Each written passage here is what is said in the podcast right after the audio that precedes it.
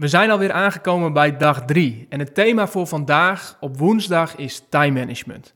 En daarin ligt de focus op de vraag hoe kun je je dag optimaal structureren.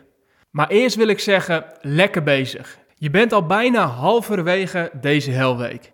En hopelijk heeft het jou, net als mij, ook al veel focus, resultaten en nieuwe inzichten opgeleverd.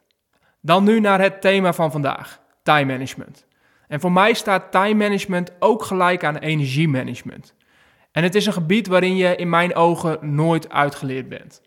Je kunt altijd je dag verder optimaliseren om je tijd en je energie zo goed mogelijk te gebruiken. Dus super interessant om hier de focus op te hebben voor vandaag. En als het gaat om time management, is een belangrijk onderdeel natuurlijk dat je je tijd indeelt.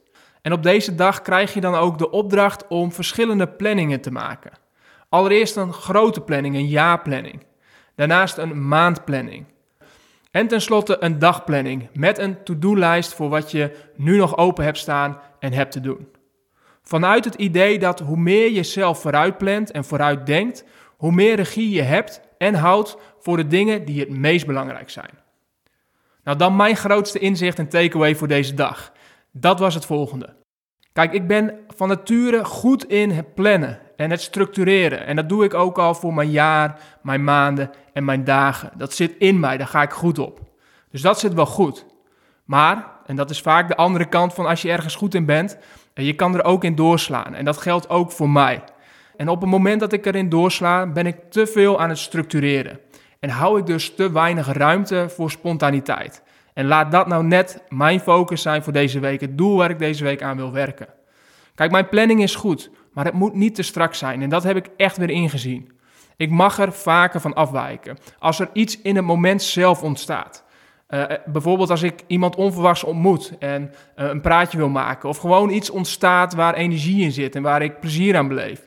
Die ruimte mag ik mezelf gunnen. En gaat ook weer ten goede komen aan de momenten dat ik weer volle focus heb. Dus mijn agenda mag ademen.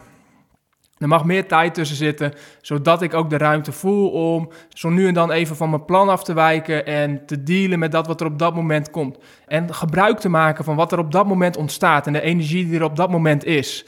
Uh, zonder al te streng te zijn voor mezelf en me te willen houden aan een militaire planning. Dus dat is mijn inzicht voor vandaag. Ik wens je heel veel succes met jouw dag, jouw dag 3 van de Helweek, deze woensdag. Je bent dus bijna halverwege. Ga zo door en morgen gaan we verder met dag 4.